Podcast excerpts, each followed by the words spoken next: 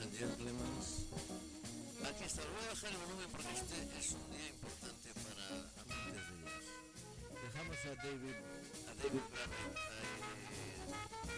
de, fondito y vamos, vamos, de fondito nada, vamos a hablar nosotros. Señores, señores, bienvenidos a Apuntes de Jazz después de un año que hemos hecho nuestro último programa, eh, el último después de este, quiero decir, en fin. Y, y aquí estamos, estamos todos está el señor Pancho, el líder, está el señor Kiko y está el señor José Luis Huerta. Por favor, ¿pueden ustedes decir algo que quieran Sí, decir? esta también- esta noche porque estamos encantados de estar aquí nosotros y de que estemos eh, y de que estéis vosotros también, espero. El que está hablando se llama Tino Domínguez. eh, un servidor.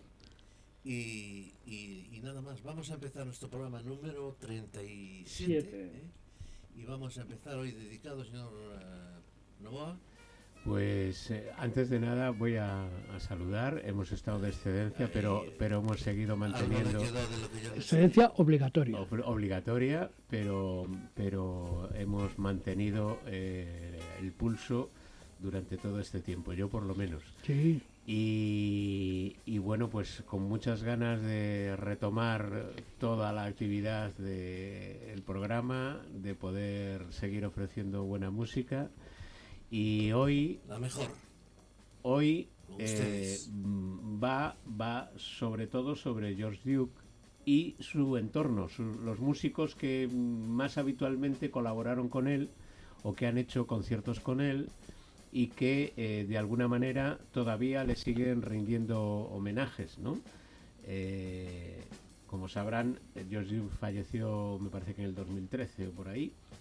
Ya empezamos. Y, y, mm, bueno, pues eh, su, su amplia discografía y sus colaboraciones con un montón de, de grandes músicos, pues está ahí plasmada en buenos temas, en excelentes conciertos y hoy pues bueno pretendemos eh, establecer pues ese, esa conexión con, con todos ellos, ¿no? Así que, bueno, pues eh, vamos a hablar de un bajista excepcional como Larry Kimball, un cantante y guitarrista Jonathan Butler, con, al que ya hemos escuchado ya alguna vez, el saxofonista Kirk eh, Balun. Y bueno, en, aquí mm, entre, entre en varios conciertos va a participar para mí un, baterista de los mejores, es de mis favoritos, que se llama Little John Roberts. Un, un auténtico niño prodigio de la batería, porque desde muy jovencito eh, se convirtió en, en una verdadera estrella. ¿no? Y para mí uno de los más gustosos, o sea, uno de los eh, bateristas que combinan el gusto con la frecuencia rítmica, la clase de, bueno, sí es un, es un baterista muy refinado.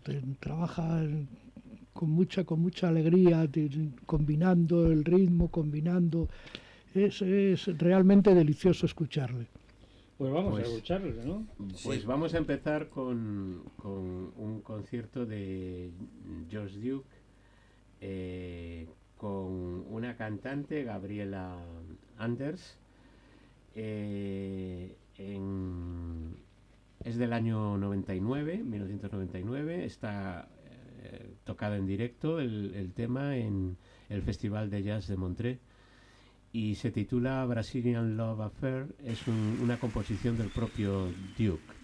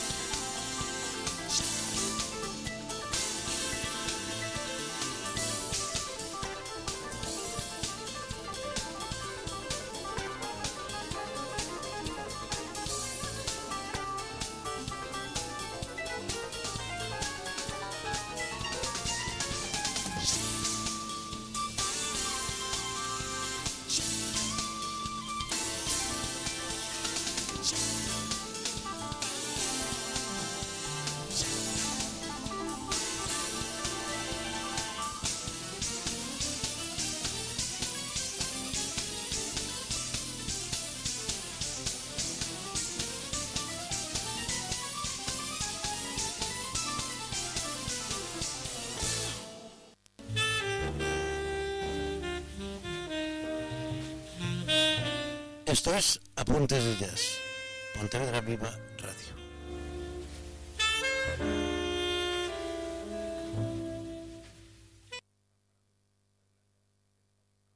La sección rítmica de eh, la grabación anterior en donde aparte de los ya mencionados eh, Little John Roberts y el gran bajista Larry Kimball pues estaba también el percusionista Lenny Castro una gran figura también dentro del, jazz y colaborador de un montón de artistas eh, incluida pues bueno una banda que se llamaba Toto y, muchos otros ¿no? que, con los que colaboró y bueno pues vamos a, añadir a estas colaboraciones pues una con el bajista Larry Kimball eh, el baterista Billy Cohan y el propio George Duke, en un tema de Billy Cohan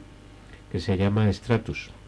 Eh, Billy Cohan, bueno, pues otro de los bateristas insignes en el panorama del jazz y el tema Stratus es una canción clásica del propio Billy Cohan. ¿no? Bueno, si me permites eh, añadir, Pancho, que, que, Billy Cohan es uno de los discípulos innumerables de, de Davis y que formó parte de, de, de, su equipo, ¿no? Y que ha seguido una trayectoria realmente brillantísima. Uh -huh. Pues vamos a escucharle. Empieza Billy Cohan con una una batería muy potente y ahí vamos.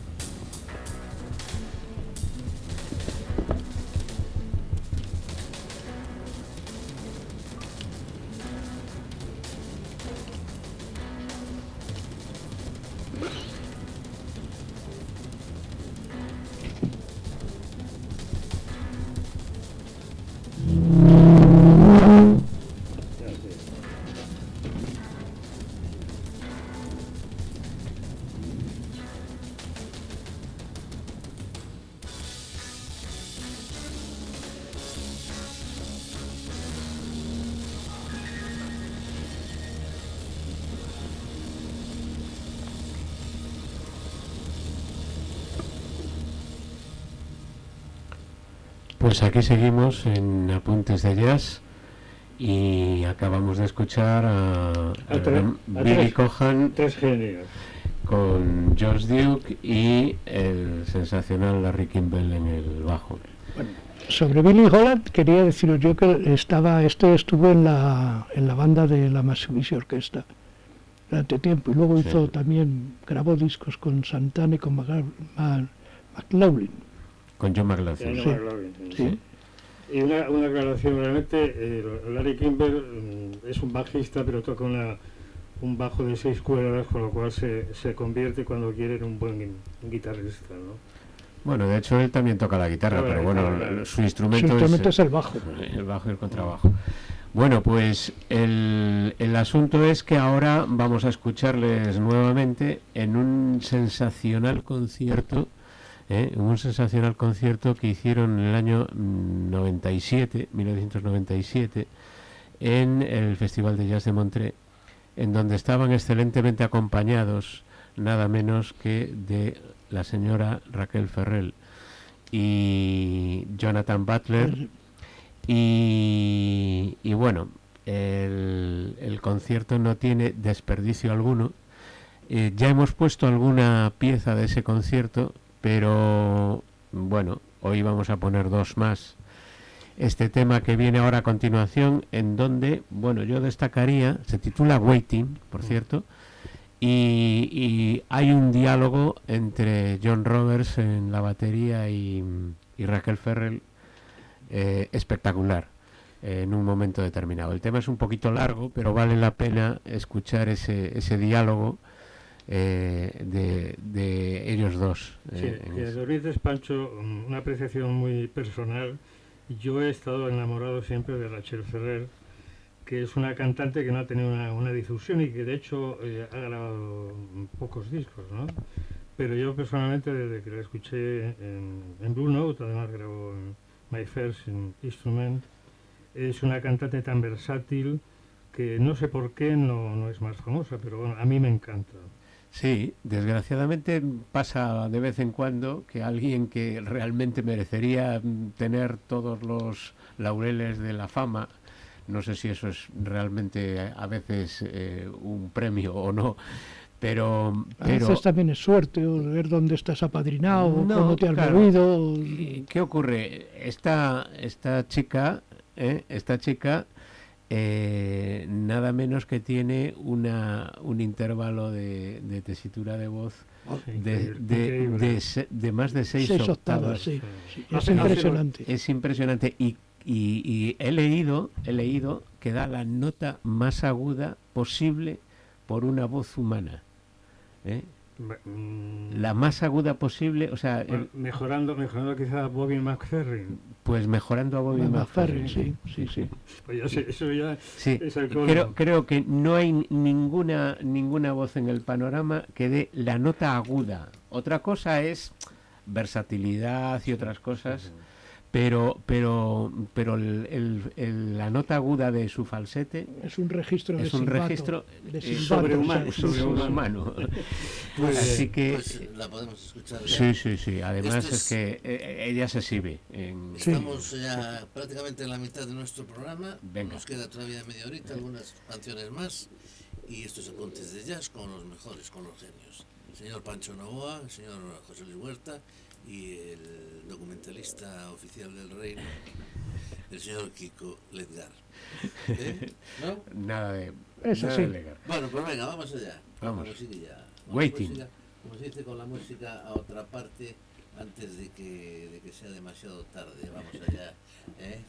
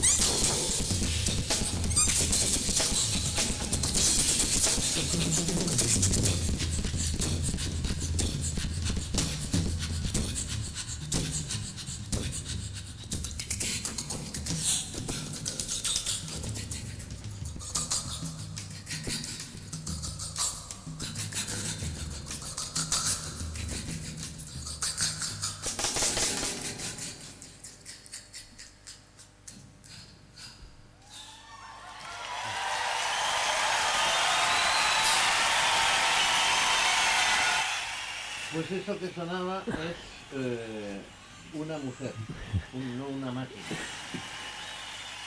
Una auténtica exhibición vocal y rítmica de, de Raquel Ferrell, eh, muy bien, muy bien eh, Acompañada. acompañada.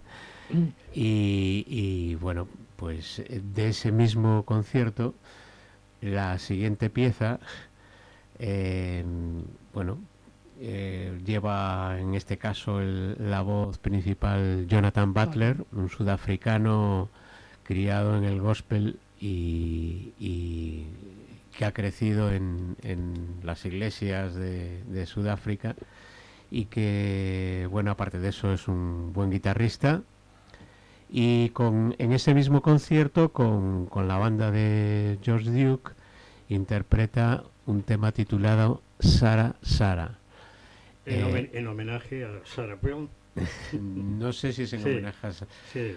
y, y desde luego, mm, pues acompañado con toda esta gente, con, con el gran bajista Larry Kimball, con mm, John Roberts, con, con la propia Raquel Ferrell haciendo Sí, eh, el- voces. los coros. Sí. Oye, y quizá, quizá hemos omitido, porque vuelve, vuelve a tocar con ellos a, a Mindo Finelli, que es un percusionista también extraordinario. Sí, pero es en otro de los temas, me parece. Sí. No, está aquí, mira.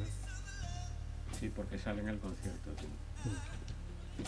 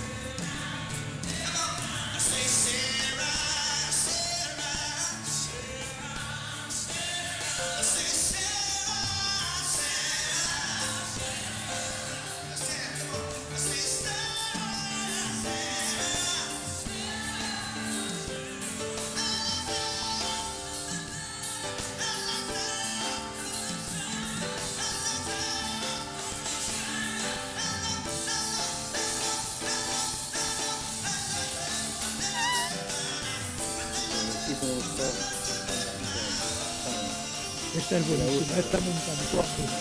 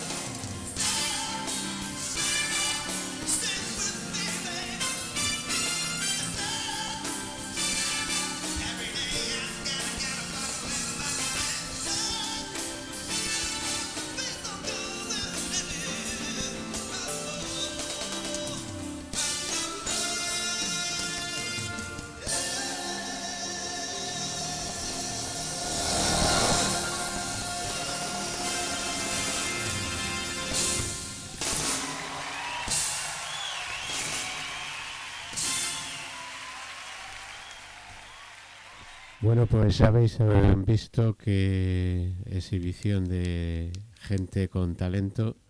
El cantante Jonathan Butler también eh, luciéndose en una interpretación fantástica y acompañado por todos estos. Se nos ha ido El tiempo. yendo el tiempo y, y del programa que teníamos previsto, pues vamos a, a incluir un tema más. No nos da para más la cosa. Con gran Eh, pena. Exactamente, con el saxofonista Kirk Ballon, que es un colaborador también, eh, fue un de- colaborador habitual con toda esta gente, Con como la mayoría. Y, y el tema que vamos a poner se titula Is What I Do, que en el año 2011 fue ganador de un Grammy. El- la grabación precisamente pertenece a, a la interpretación que se hizo en, en la entrega de premios y, y, bueno, está grabada con, con toda la orquesta y la colaboración de Laila Hathaway, una excelente cantante de gospel. De gospel, no, perdón, de, Bueno. gospel también, pero hoy en día No la se peleen, Hathaway Sí, sí. no se peleen, que es el primer programa después de la pandemia. Bueno, sí nos peleamos, sí nos peleamos. No, mira, lo que quiero decir es que Lala Hathaway en estos momentos está considerada probablemente la, la mejor cantante de jazz y blues. Es hija de, de un... De Donny Hathaway. de- exactamente.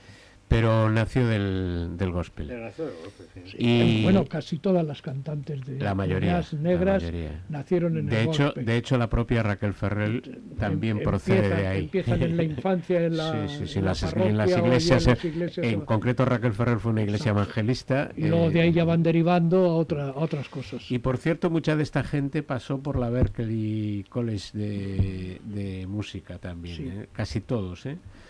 Bueno, pues el caso es que vamos a escuchar a, a Kirk Balun, saxofonista, compositor del tema y la interpretación también de Laila Hathaway. Vamos Bueno, a ver. Y pues, con ello, pues nos, nos vamos a despedir. Nos despedimos. Hasta la próxima. Hasta el próximo, señores, sí señor. Esperamos que sea próxima. Si no tenemos Próxima, interrupciones. próxima son 15 días. Exacto. ¿Vale? Bueno, Muy bien. Bueno, pues lo dicho, nos Allá vamos. vamos eh, con esta.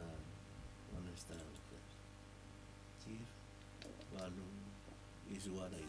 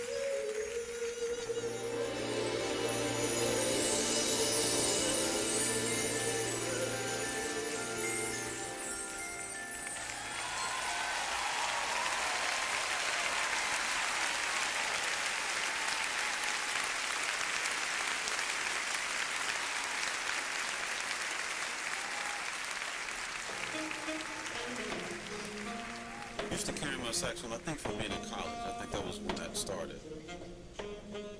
So we would always have our horns with us, and we would find just the right place to, uh, you know, to set up shop and try to work stuff out.